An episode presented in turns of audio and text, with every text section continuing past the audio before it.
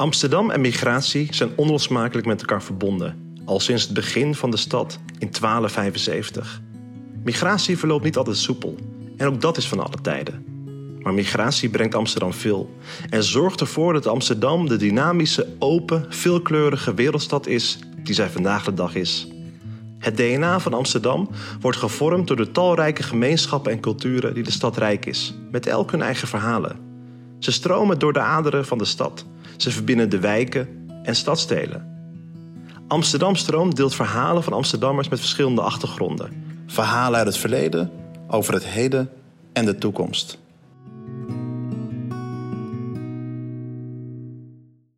We vertellen het verhaal over de Ghanese gemeenschap in Amsterdam door de ogen van de tweede generatie Ghanese Amsterdammers. Bevlogen, ambitieuze twintigers en dertigers, wiens ouders in de jaren tachtig naar Nederland kwamen. Ze gingen op zoek naar economische kansen en groeiden op in Zuidoost en hebben een speciale band met het stadsdeel. Ze vertellen wie ze zijn en wat ze doen, hoe het is om een Ghanese Amsterdammer te zijn, wat Zuidoost voor hun betekent en hoe hun ouders als eerste Ghanese migranten het pad voor hun hebben gebaand. Eben Badou, zou je wat over jezelf kunnen vertellen? Wie ben je? Ben je geboren? Waar woon je? Yes, ik ben, uh, ja, Ebenezer Barou. Um, kom uit Amsterdam-Oost. Dus ja, dat is uh, hier in de buurt. Uh, op vroege leeftijd, sinds ik eigenlijk uh, ja, baby ben, kom ik al in Zuidoost. Uh, we gingen daar altijd naar de kerk. de Ghanese gemeenschap was daar ook. Dat was um, in Egeldonk, ja, vlakbij Gansenhoef. En um, daar heb ik gewoon ja, een belangrijk fundament geleerd over het geloof. Maar ook gewoon over om met mensen te zijn, community te voelen en proeven. En ja, Amsterdam Oost heeft me ook Amsterdam over in general heeft me gemaakt tot wie ik ben. En uh, mijn ouders natuurlijk. En uh, ik heb ook drie zusjes. En die, die zijn ook allemaal ja, leuke dingen aan het doen. Ja, want jou, jouw moeder kwam, was heel jong toen ze hier naartoe kwam, ook 17. Um, kun je me wat, wat vertellen over de reis die ze heeft gemaakt en waarom ze naar Nederland is gekomen? Hoe dat is gegaan? Ja, voor haar was het heel erg um, kijken hoe ze nog meer out of the box kon gaan en um, dingen doen wat niet voor de hand. Wat, zeker in Ghana kan je ook de, de dingen doen wat je hier kan doen, maar op een gegeven moment leerde ze uh, ook mijn vader kennen uh, via uh, haar moeder. Um, en zo zijn ze aan elkaar voorgesteld. En mijn vader die, die ging dus naar Am Amsterdam toe, omdat mijn tante daar als eerste naartoe ging. En zij is volgens mij een van de eerste generatie. Zij gaat ook richt, ja, zij is in de 70. En um, zo is zij uiteindelijk um, ja, hier in Amsterdam uh, gekomen. Ja, dus je ouders hebben uh, veel werk gedaan, veel bijbaantjes, hard gewerkt. Vertellen ze daar wel eens wat over? Ah, ik denk dat ze uh, over het algemeen uh, doen ze allebei uh, facility jobs. Um, dus dat is gewoon echt um, ervoor zorgen dat uh, ja, een kantoor bijvoorbeeld um, er weer de volgende dag weer uitziet als, als de dag ervoor, zeg maar. Dus gewoon ja, dingen cleanen, ervoor zorgen dat je dingen gaat... ja, best wel hard werken eigenlijk. En, en ze, ze lieten gewoon heel erg zien van oké...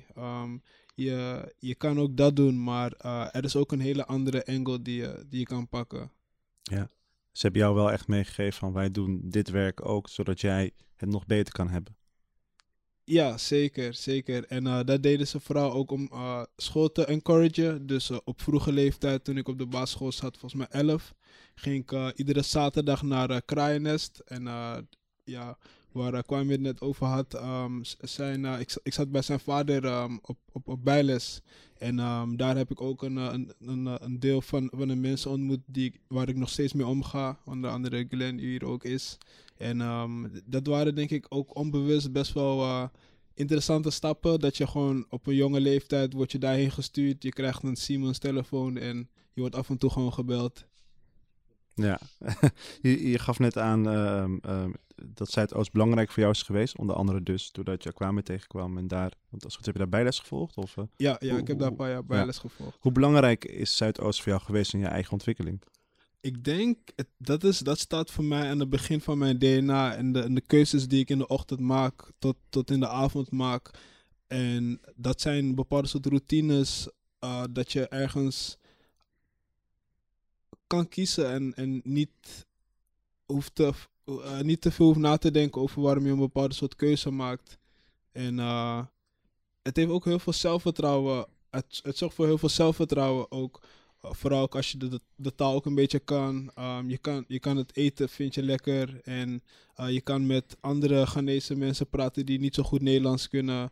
Dat, um, dan merk je wel van oké, je komt even in andere lagen of zo. In het, in het Ghanese denken is heel anders dan in het Nederlands denken. Je wordt, het lijkt gewoon bijna alsof je een andere persoon wordt of zo. Ja, heel mooi hoe je dat zegt. En uh, over een andere persoon uh, worden gesproken. je, je hebt uiteindelijk ook gewoon heel bewust voor gekozen om een stip op de horizon te hebben. Hè, je, hebt, je, hebt een opleiding gedaan, maar je wist van jezelf van oké, ik wil wel ergens naartoe. Hoe, hoe is die reis gegaan? Van, ja, eigenlijk van op school zitten, een VMBO-school, tot de plek waar je nu staat? Op een gegeven moment, samen met uh, Glenn, um, gingen we gewoon heel veel naar de stad toe. Ook omdat we, we werkten toen bij Albertijn, McDonald's. En op dat moment, je kijkt gewoon veel naar uh, internet. Je kijkt naar Tumblr, je kijkt naar YouTube. Je ziet bepaalde soort artiesten, je ziet ze in, in bepaalde soort outfits. En je denkt van, oh, oh wauw, als, als ik het aan mijn als ik aan mijn ouders moet gaan vragen om dit, dit soort schoenen te kopen of zo'n jas te kopen, dan, dan ga je lang moeten wachten. Dus je moet wel creatief zijn om na te denken hoe je aan je dingen komt.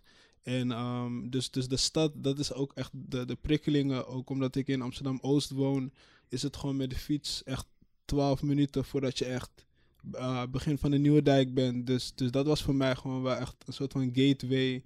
Um, en op een gegeven moment ga je naar de middelbare school en, en dan ontmoet je ook weer een, een type soort mensen, maar je interesse is daarin al zo erg soort van gegraveerd dat je je interesses daarin meeneemt naar school. Um, dus op een gegeven moment zat ik op Spinoza op school tot mijn derde en ben ik daar uh, helaas uh, uh, van afgekikt. En um, wat, omdat ik vaak laat kwam. En dat, dat was in het begin wel heel jammer. Maar wat, wat het leuke aan het verhaal is dus dat de, de vader van uh, Kwame, hij, hij is dus, uh, dus, dus, de, dus de zaterdagschool begonnen. En hij deed het met een andere compagnon van hem. En um, die andere compagnon ken ik dus door mijn tante. Ik ben daar ook op een jonge leeftijd, ben ik ooit um, ja, via kennis, daar word ik daar af en toe gedropt. Maar dus um, die andere compagnon van uh, Kwame's vader, die heeft mij dus geholpen aan een nieuwe school. En, um, en dat was dus SGR in uh, Rijgersbos. En dat was weer een hele nieuwe invalshoek dan Zuid. En toen was ik weer thuis. Mooi. Um, kun je wat vertellen over TNO? De New Originals begon als een blog uh, die we echt tien jaar geleden zijn, zijn begonnen toen de tijd. En um, we deelden daar eigenlijk de interesses die we toen zagen op, op YouTube, maar ook op Tumblr dus. En, en de gesprekken die we voerden, de, de brands die we, die we voelden. En, en op dat moment was het een soort van een niche of zo. Um, je komt met een, uh, een bepaalde soort babyjas of je komt met een bepaalde soort pata shirt of een filling pieces schoen. En, en iedereen kijkt je aan van, hé, hey, wat, wat is dit of zo. Maar um, ook omdat we het mixten met wat we vaak in de buurt zagen. Dus de jongens met de Gucci-mutsen, maar ze droegen ook die Moncler-jassen, die Prada-schoenen, die D-Square. Dus, dus je, je, nam ook een beetje wat van, van hun of zo, van de straat.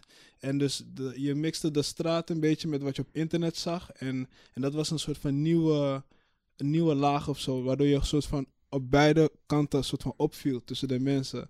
En, um, en dat hebben we gewoon heel erg meegenomen. En op een gegeven moment zijn wij um, meer kleding gaan doen.